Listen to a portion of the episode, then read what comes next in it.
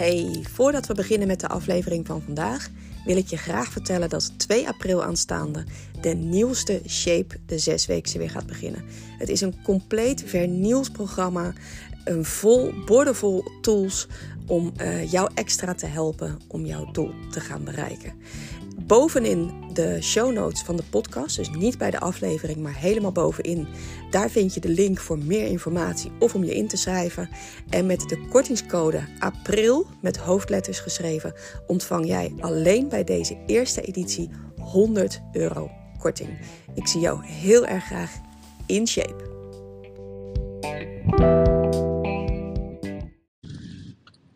Hey lieve mensen, daar ben ik weer. Nou, deze podcast gaat beginnen met een bedankje hoor. Met een echt een hele dikke shout-out naar alle luisteraars, naar jou, naar een, um, een knuffel via je oortjes.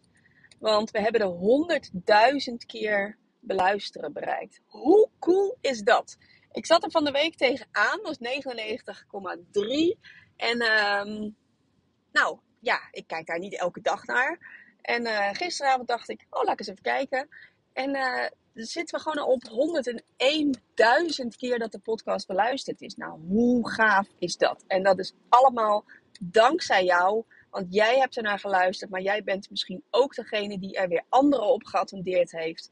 Maar door mijn verhaal, mijn missie, eigenlijk onze missie, want ik vind dat jij daar onderdeel van uitmaakt, breed uitgedragen wordt en als een olievlek verspreid wordt. Um, over zoveel mogelijk mensen. Dus vanuit de grond van mijn hart, dank je wel.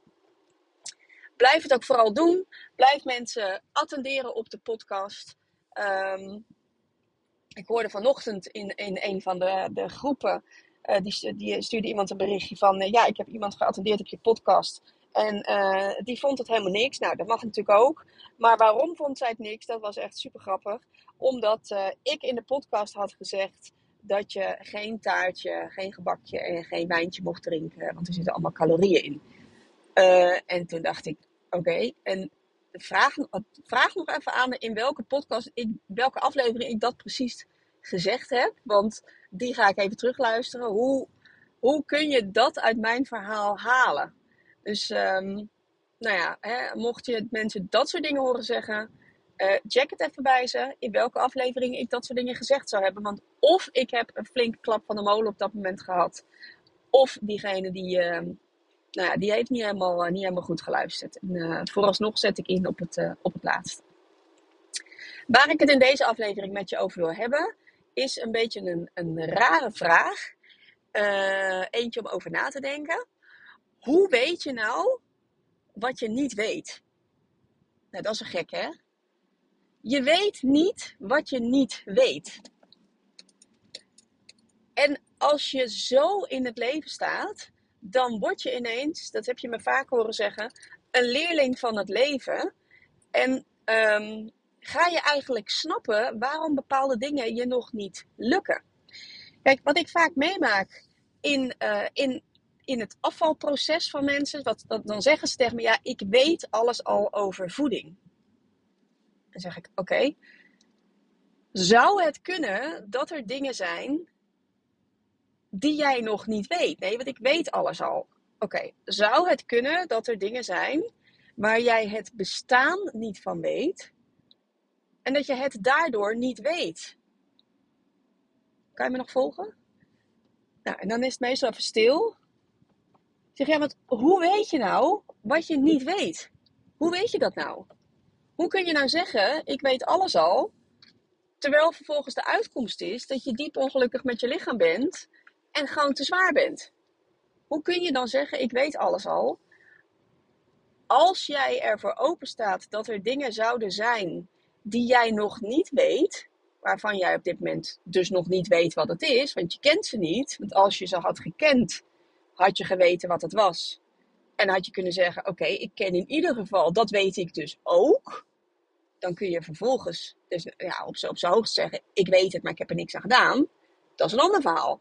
Maar zeggen: Ik weet alles al, dat kun je nooit zeggen, want je weet niet wat je niet weet. Het enige wat je hier aan kunt doen, is um,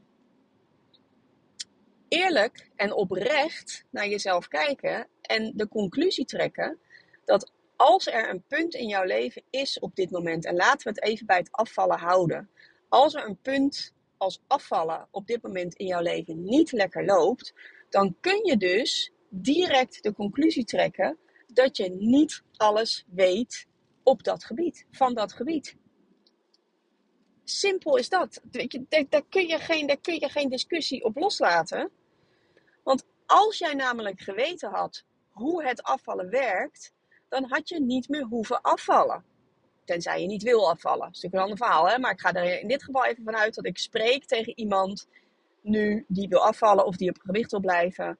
Ehm, en die dan zegt van, uh, ik weet alles al, uh, mij hoef je niks meer te vertellen. Dat kan dus per definitie niet waar zijn. Dat kan per definitie niet waar zijn. Want het kan zijn dat je alles weet over voeding. Dat zou kunnen. Maar als het je dan vervolgens nog steeds niet is gelukt om je ideale gewicht te bereiken, dan weet jij dus nog steeds niet alles over hoe jij die voeding op de juiste manier kunt inzetten. Want anders had je het wel gedaan.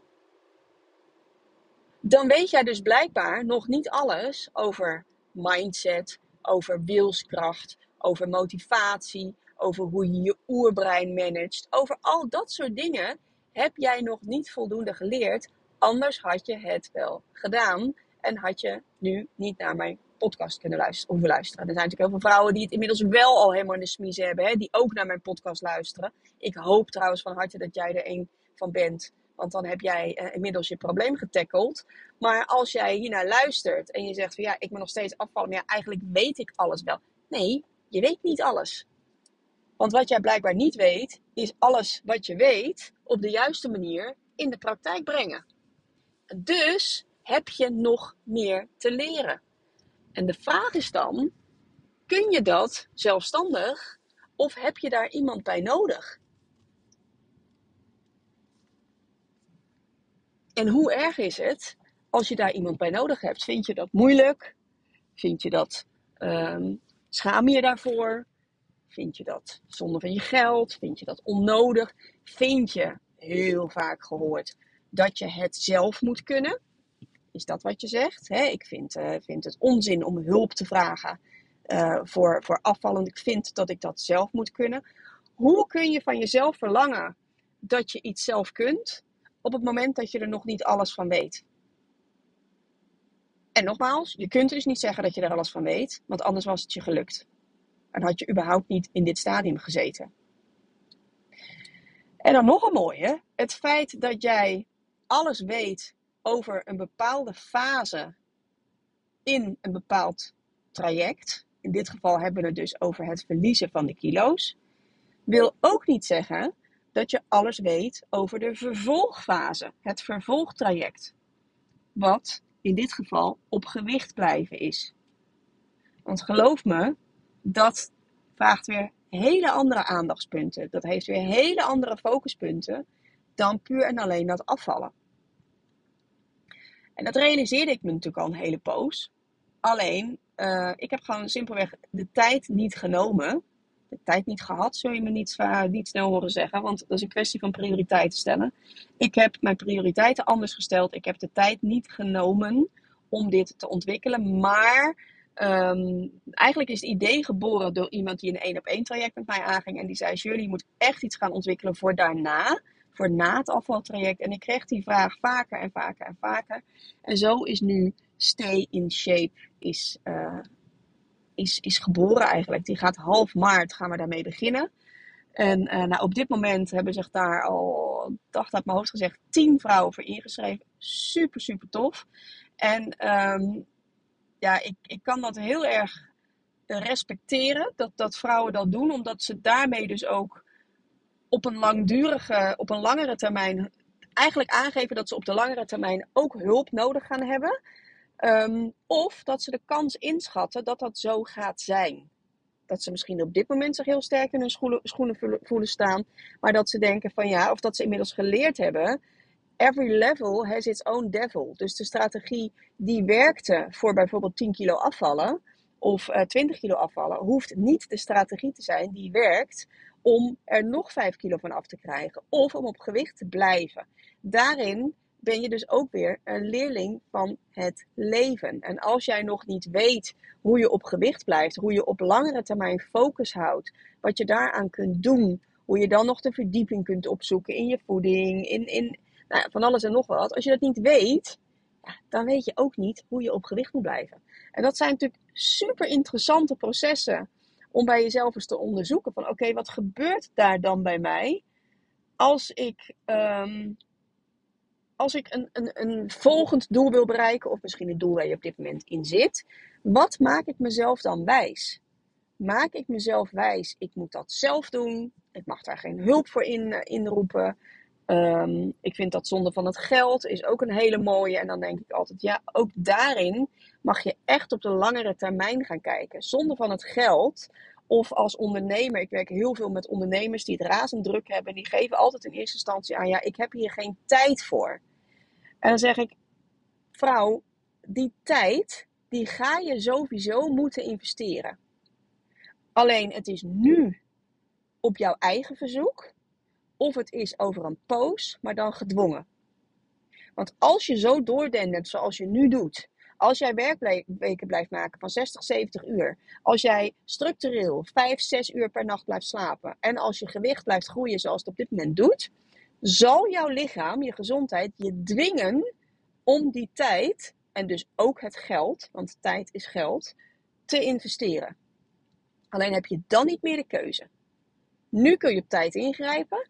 Nu kun je zeggen: ik maak er de tijd voor vrij. Ik ga mijn prioriteiten anders stellen. Dan lukt het niet meer. Dan zul je wel moeten. Met alle gevolgen van dien. En dan is het te hopen dat de manier waarop jouw lichaam heeft ingegrepen, dat die nog enigszins binnen de perken is gebleven en dat het niet destructief is gebleken. Van de week stuurde iemand mij, ik heb, uh, nou, je hebt in de vorige podcast wellicht wel gehoord over mijn nieuwe verkering.